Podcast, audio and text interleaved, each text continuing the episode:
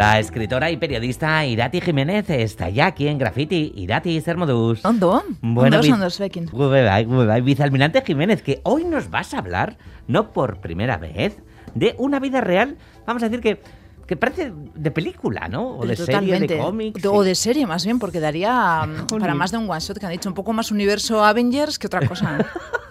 porque realmente hay personas sobre las que sería muy difícil escribir. Esto me pasó hace mucho tiempo, que trabajaba con una persona, voy a dar datos muy particular, y pensaba, si esta persona hiciéramos una serie de ella, no sería creíble. Tal cual hecha mismamente como era, que han demostrado los realities también, ¿no? Porque pues una somera descripción, por ejemplo, de la persona de la que vamos a hablar hoy, pues desafiaría la verosimilitud. Y sin embargo, pues hay personas así, hay vidas así, como la de nuestro protagonista de hoy, que es un hombre del que yo no lo conocía, la verdad, y decidí hablaros eh, hace unos días porque me encontré su descripción en la Wikipedia mientras buscaba, saber lo que, que me pasa constantemente, y la entradilla de la Wikipedia española decía que se trataba de un marino y militar, decía, que combatió como general en cinco ejércitos diferentes sin ser traidor a ninguno, ponía. Una descripción, pues no muy enciclopedista, vamos a decir, pero de fan entusiasta que me hizo mucha gracia. Y decidí hablaros, atención, por favor, que el nombre se las trae, de Juan Van Halen, como suena. Y cuando os diga su nombre completo, pues vais a flipar un poquito más fuerte todavía, porque se llamaba, que esto sí que es un nombre, Juan Manuel Julián Antonio Van Halen y Sartí, Murphy y Castañeda.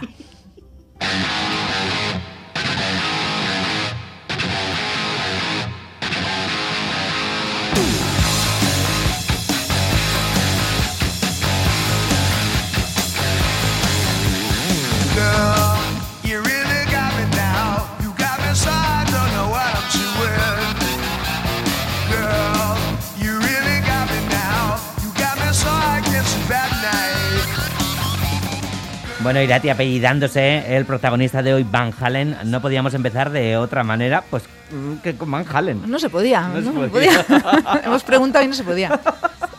Estaba prohibido, Es al contrario.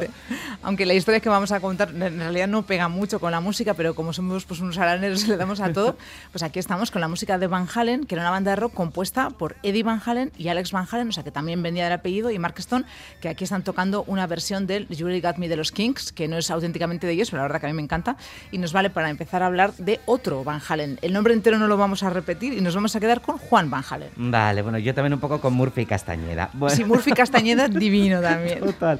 Bueno, Van Halen, ¿no? Eh, no es así como, como un apellido, desde luego, eh, muy típico para un gaditano. Pero este, este Van Halen sí que era gaditano, ¿no? Sí, señor. Nació en San Fernando, en la provincia de Cádiz, en el seno de una familia de ascendencia flamenca e italiana. Su familia había tenido una baronía en Italia y el condado de Mirabello y Flandes, y al parecer Juan descendía de Carlomagno, que ahí es nada. Toma ya, o sea que al parecer la familia descendía de Carlomagno. Mismísimo. Esto me encanta poder decirlo. Vicealmirante comparado con eso no es nada, ¿eh? Ya, ya, ya te digo.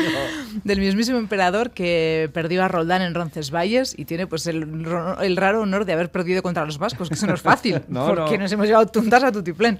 Pues de esa familia noble, al parecer, viene este Van Halen, que nació a finales del siglo XVIII, en 1788, y murió en 1864, o sea que vivió casi 80 años y su vida reco- adulta recorre pues toda la primera mitad del siglo XIX, que es eh, uno de los momentos más apasionantes, quizá también en el peor sentido y más trágico sin duda de la historia de España, cuando tras el desastre de Trafalgar, en las guerras napoleónicas, el Estado español se ve en la tesitura, digamos, de tener que elegir entre la modernidad o el pasado y tiene pues la desgracia de encontrarse en su camino con Fernando VII, que será pues el tatara no sé cuántos abuelo de Felipe VI, que lo he intentado averiguar y me he perdido en las matemáticas, que fue un rey que apostó contra el tiempo, la historia, la legalidad, también contra su pueblo, contra la Constitución de Cádiz, que había jurado defender para conseguir que los liberales le apoyaran frente a José Bonaparte, y contra la modernidad, en fin, para asumir a España pues en un nuevo periodo absolutista, en la ruina económica, hay que decir, en la bancarrota, en el deterioro imperial. España perdió América prácticamente entera y en un grave problema dinástico que desembocó pues, en las guerras carlistas. El peor de los reyes de España, por unanimidad de la historiografía internacional, fue vengativo, rencoroso y un infatigable perseguidor, que esto es terrible, de todo aquel que sobresaliera un poco, lo que resultó desastroso para su país, que no se recuperó en todo el siglo XIX de las consecuencias de su reinado y como en el XX no se recuperaron del XIX, pues así estamos. Ya, en el 21 aquí estamos, sí. Bueno, aquella España de, de la que hablabas es eh, la que retrató Goya, por ejemplo. Eso es, es la España que retrató para mí el mejor artista español de la historia. Y mira que es difícil porque hay una larga genealogía de desastres culturales, pero también de genios intermitentes y es difícil elegir uno. Mi pintor favorito, sin duda, me gusta como ninguno realmente, y quizá pues el artista que más admiro, Goya, que hablando de nombres particulares se llamaba, más bonito no puede ser, Francisco José de Goya y Lucientes. Ay. Fue, como dijo el hispanista Nigel Glendinning, un romántico para los románticos, un impresionista para los impresionistas, un expresionista para los expresionistas y, lo que es más alucinante, un precursor del surrealismo para los surrealistas. Y fue sin duda el artista que mejor retrató aquella España terrible que dejó pasar sus mejores oportunidades. El Saturno que devora a sus hijos, por ejemplo, en su famosísima pintura, podría muy bien ser Fernando VII devorando a su pueblo. Precisamente en una conversación con Goya, con un Goya de ficción, claro, una de las protagonistas del Ministerio del Tiempo, que ya he dicho que es una serie que me gusta mucho, resume muy bien aquel periodo terrible. Para mí sería un honor, don Francisco, ser la musa de un genio, el objeto de admiración. Chantaje, señorita Tudor. Lo de su amigo Godoy es un chantaje. ¿Y qué más da, don Francisco? El destino de esos pobres niños lo justifica todo. No se rebaje usted a su altura. Parecen ustedes más sordas que yo. Es que no lo entienden. No puedo pintar ese cuadro. No puedo. Es lo de siempre. Usted vende grabados en defensa de la razón, pero cuando hay que dar la batalla mira hacia otro lado. ¿Tiene usted algo más que decirme? Así ha pasado siempre y así seguirá pasando en este país tan injusto. Los inteligentes acaban divididos en mil luchas intestinas. Los audaces frente al pelotón de fusilamiento. Los íntegros en el exilio y los inocentes en la miseria. Los audaces frente al pelotón de fusilamiento, decía, ¿no? Este personaje que casi casi podía haber estado hablando Irati de nuestro protagonista de hoy. Pues casi casi podía haber estado hablando Amelia de nuestro personaje, de nuestro protagonista, porque Van Halen se libró del fusilamiento más horrible que se puede imaginar, el del general Torrijos y sus 48 compañeros que fueron asesinados en Málaga, en la playa de la Misericordia. Fíjate qué nombre, aunque sin misericordia ninguna, sin juicio, sin nada, sin agua el día anterior, de hecho, y tras haber sido engañados por los absolutistas de Fernando VII para que vinieran del exilio de Inglaterra, presuntamente para restaurar el orden constitucional y en realidad pues para matarlos mezquinamente. Y digo mezquinamente porque el general Torrijos luchó por Fernando VII en la guerra de la independencia contra los franceses, huyó cuando Fernando VII traicionó a su pueblo, desjurando lo que había jurado, digamos, fue engañado para volver a España y asesinado con sus compañeros un 11 de diciembre de 1831. Entre ellos podía haber estado Juan Van Que fue detenido en aquel intento de acabar con el absolutismo por la Inquisición, pero consiguió fugarse de la cárcel. Un episodio que él mismo contó en un libro de memorias que se hizo súper famoso en su época y que no es más que uno de los muchos episodios bizarros de una vida, como decía, de leyenda. Bueno, pues oye, vamos a repasarla eh, cronológicamente, si te parece. Así que, a ver, ¿por dónde empezamos? Pues empezamos contando que Juan Van Halen, es que me hace mucha gracia el nombre, no puedo... Juan Van Halen fue guardamarina de la Real Armada Española, embarcó en 1803, que tenía solo 15 años, en la fragata Anfítrite, que le llevó a La Habana y a Veracruz, en México. Qué nombre tan bonito también Veracruz, ¿verdad?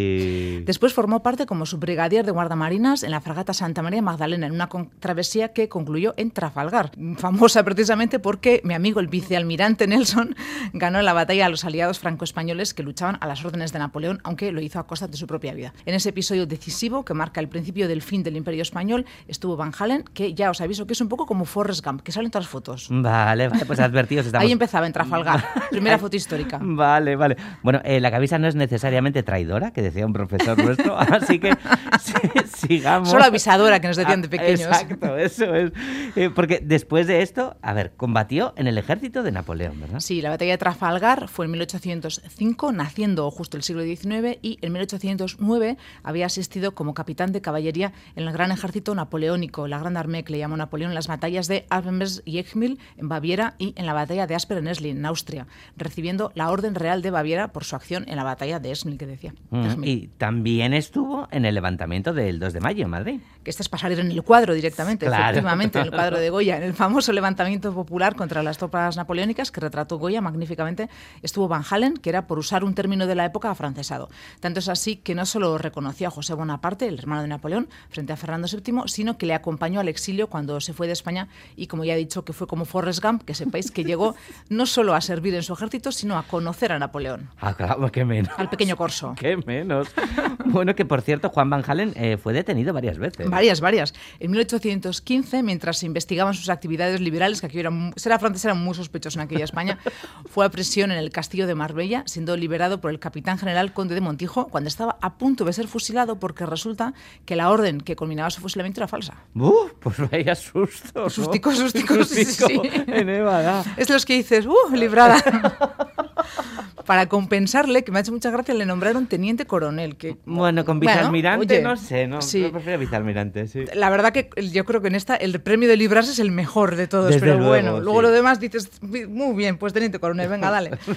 en aquella época parece ser que ingresó en la masonería, como tantos y tantos liberales, eh, en aquella época pues en la que apoyar casi cualquier cosa, desde la ciencia hasta el constitucionalismo o la democracia, pues te podía meter en problemas, por lo que pues casi era mejor formar parte de una sociedad secreta. De hecho, de poco le sirvió porque eh, en aquella época en la que conoció al después fusilado Torrijos, le volvieron a detener. En 1817 de nuevo fue retenido en los calabozos de la Inquisición en Murcia, que si os detienen es mejor que no sea la Inquisición, ya aviso. Ya, ya. Y después de que le torturaran fue trasladado a los calabozos de Madrid. Si la vez anterior se libró del fusilamiento por los pelos, pues esta vez dijo, ¿cómo puedo superar esa historia? Y se fugó de la cárcel huyendo primero como exiliado a Londres y de ahí a San Petersburgo, nada menos. Nada menos a San Petersburgo. Que le y- pillaba cerca. Lo- es lo normal. Porque... Yo también huiría a San Petersburgo. Claro, lo de todos es el los mejor de días. los burgos. Aquí en Iruña tenemos bastantes burgos, ¿eh? El de la Navarrería, el de San Cernin. Claro, es verdad.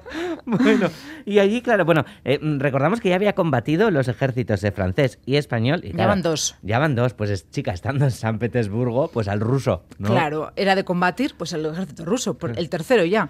En San Petersburgo consiguió contactar con un famoso ingeniero español de la época, Agustín de Betancourt, que era director de vías y caminos del zar de Rusia, nada menos. Y además parece ser que este hombre fundó la primera academia rusa de ingeniería, o sea que la fundó pues un, español. Y gracias a la protección de este ingeniero siguió su carrera militar como mayor general de caballería para el zar Alejandro I. Eh, la cosa es no estar quieto.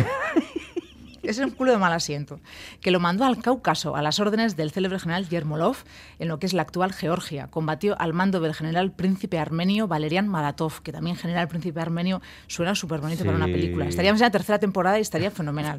Ahí aparecía Malatov, mandando un ala de la caballería en la toma de Yoserek y por su bravura en aquella acción recibió la distinción de caballero de la Orden de San Jorge, que es la máxima condecoración, era la máxima condecoración en la rusa zarista al valor en el combate, y también de la de caballero de la Orden de San Vladimiro, que otorgaba nobleza hereditaria del imperio. Por ello, pues sus descendientes directos fueron, y lo siguen siendo aún ahora, porque parece que hay descendientes vivos, miembros de la Asamblea de la Nobleza de Rusia. Que yo creo que es Anda. una cosa ya más teórica que otra cosa, pero bueno. Sí. A no ser que Putin la haya vuelto a poner, que no me Ah, extrañaría tampoco. Ah, bueno, claro, desde luego. Pero bueno, a ver, el caso es que, claro, en Rusia no se quedó, ¿no? No, Ni por no. todos los títulos del No mundo. se queda, ¿Cómo se va a quedar? No, ya te digo que era un culo de mal asiento. Porque era liberal además y su intención era volver a España en cuanto hubiera oportunidad de poder avanzar hacia un Estado que no fuera absolutista. Entonces, al parecer, el zar, cuando se enteró de esto, claro, al zar el absolutismo le encantaba, sobre todo el suyo. Y entonces, pues lo puso de patitas en la calle.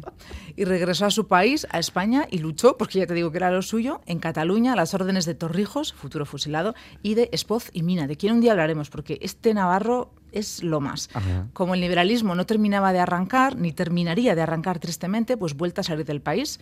En 1823 se marchó para Cuba, esta vez al otro lado del mundo, enrolándose como sobrecargo en una goleta y luego pues plantando un cafetal en Matanzas. De allí a Estados Unidos, donde ejerció como profesor de español para estar un rato quieto igual, que era algo que no le daba mucho dinero según parece, y entonces se enteró, amigo, de que tenía un dinero esperándole para heredar en Bélgica, que ya hemos dicho que era medio flamenca su familia, porque y pues se va para Bélgica porque pues tenía dinero para heredar. Bueno, claro.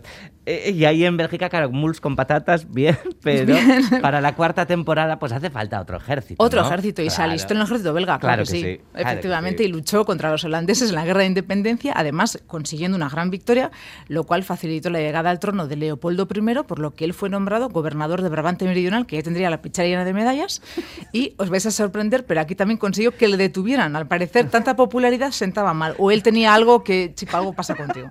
Entonces, eso sí, en Bélgica también le dio tiempo a apoyar la causa liberal en Portugal, ayudando a otro gaditano, Juan Álvarez Mendizábal, a organizar un batallón para enfrentarse al rey Miguel I de Portugal, también por la causa liberal.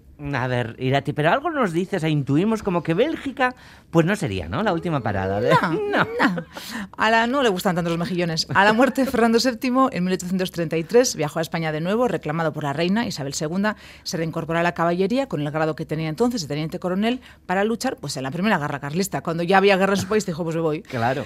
Entonces estuvo a las órdenes del general Luis Fernández de Córdoba, jefe del ejército del norte. Fue la última guerra formal, digamos, aunque no era nada formal él, en la que tomó parte, pero no la última jarana en la que participó, porque entre los muchos cargos que tuvo las últimas décadas de su vida fue gobernador y jefe militar del señorío de Molina de Aragón, gobernador y comandante militar de Tarragona también y del Alto Arán. Pacificó aquel territorio, parece ser, y firmó un convenio, por ejemplo, pues para erradicar a contrabandistas y partidas armadas de la zona.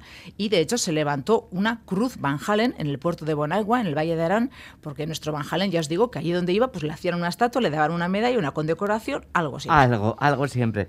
Y Dati, lo que es flipante, lo que es de no creer, y es súper curioso, ¿no? Es que el hombre, antes has dicho que murió con 80 años, ¿no? De causas naturales. De causas naturales. es- tranquilamente en su cama, descansando. Se retiró como mariscal de campo y efectivamente Juan Van Halen falleció en Cádiz, en su, en su hogar natal, que también es curioso con todas las vueltas que dio, ¿no? En la misma provincia donde había nacido, convaleciente de unas fiebres el 8 de noviembre de 1864 y fue enterrado con honores militares en el panteón familiar que se había hecho construir en el cementerio del puerto de Santa María y en Cádiz, donde junto a él reposan su primera esposa y la segunda, porque se casó dos veces, y dos de sus hijos.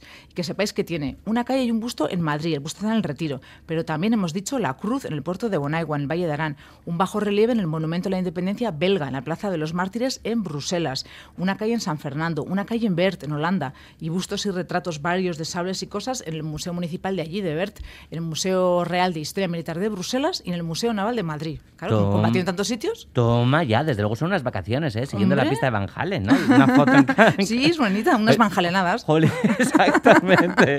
bueno, y antes has mencionado también sus memorias. Sí publicó en 1827 sus memorias que aparecieron en París, en Lieja, en Dordrecht, en Stuttgart y en Londres y en Nueva York también. Y en 1842 en Madrid, donde contaba las torturas a manos de la Inquisición y su fuga de la cárcel. Pero a medida que iba viviendo esta vida increíble, pues iba añadiendo capítulos a las memorias. Entonces sus memorias se llaman Narración de Don Juan Van Halen, escrita por él mismo, o Relación circunstanciada de su cautividad en los calabozos de la Inquisición, su evasión y su emigración. Además publicó varios trabajos, entre ellos pues una historia de la Inquisición que ya les había cogido manía, me imagino, porque cuando te torturan quieras que no te queda te queda dentro el rencorcito. Pues eso pasa. sí. Y varios folletos reivindicativos. Y también se escribió sobre él. Pío Baroja tiene una novela que no podía tener pues un título más acertado, Juan Van Halen, el oficial aventurero, que ya os diré qué tal, porque pues la verdad que no soy muy muy barojiana, pero me la pienso leer porque me entiendo perfectamente a Pío Baroja, que dijo, llama- llamándose Pío, que es este hombre así, porque no dice nada, pues ver un Juan Van Halen y decir, pues encontrarlo fascinante y decir, este tío merece la pena que escriba yo un libro. Y tanto que sí, con lo que nos has contado, desde luego, Van Halen merece la pena.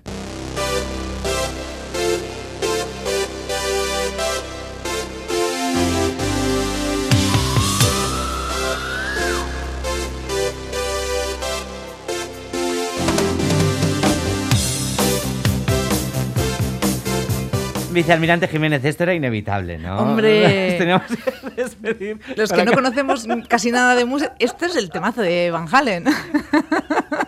No he estado buscando un Van Halen para poder ponerla, ¿eh? Esto lo prometo. Esto es Jump, que fue pues, el único sencillo de toda la carrera de Van Halen del grupo en conseguir un número uno en el Billboard en el 84, que es una canción no muy del estilo habitual, así más heavy de Van Halen, pero es más popera y así, pero es que es la primera que me viene a la cabeza a mí cuando pienso en Van Halen y a partir de ahora cuando piense en Juan Van Halen que es el hombre que combatió en Trafalgar la guerra de la independencia española, en el Cáucaso con los armenios, con el ejército belga contra los holandeses y en las guerras carlistas, además de ser trabajador en un cafetal en el Caribe, profesor de, español en Estados Unidos, escribir contra la Inquisición y mil cosas más a lo largo de un siglo escalofriante y de una vida, pues ya veis, de película Totalmente. o de serie.